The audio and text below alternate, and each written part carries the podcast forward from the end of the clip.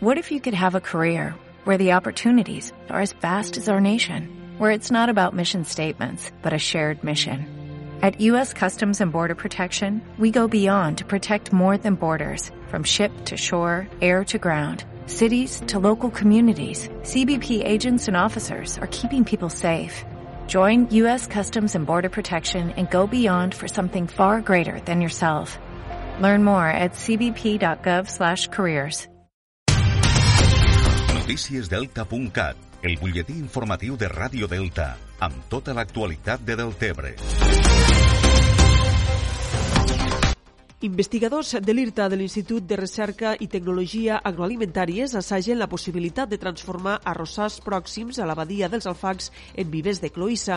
En estos arrossars el cultiu de l'arròs ja no és viable per la pujada del nivell del mar i la subsidència del delta i el cultiu de cloïsses podria suposar una alternativa viable i molt rentable econòmicament.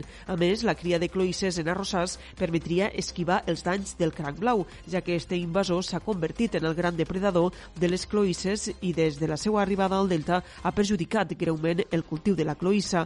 Les proves per convertir arrossars pròxims a la badia dels alfacs en vivers de bivalve van començar el passat mes de novembre. Es van preparar bases amb aigua de la badia dels alfacs i s'ha sembrat a principis del mes de març. Margarita Hernández és investigadora de l'IRTA. Que els camps d'arròs eh, que estiguin més a la vora de la mar que s'hagin salinitzat i que ja no siguin tan rendibles no? com altres camps per fer arròs. El cultiu de cloïssa sí que té un elevat preu, sobretot si es pot arribar a una mida eh, més gran i, i el mercat té molta eh, demanda no? de cloïsses de, de mida gran.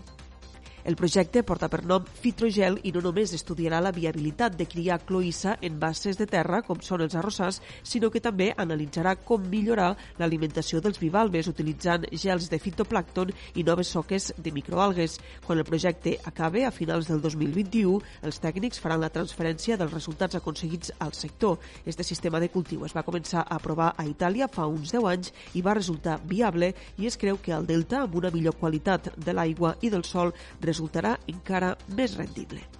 Encara un últim apunt per afegir que el fotògraf del tebrenc Jonathan Rius, conegut a les xarxes com Pinapli, està nominat a un altre premi internacional. Una imatge seva ha estat seleccionada en el top 50 del concurs Esports 2020 d'Agora Imatges, una aplicació mundial de fotografia. La foto seleccionada és una imatge del campió d'Espanya d'esquí de fons Sadurní Betriu, fotografiat al Delta de l'Ebre. El guanyador del concurs es decideix a través de votació popular. Això és tot per ara. Més notícies, com sempre, al portal deltacat.cat.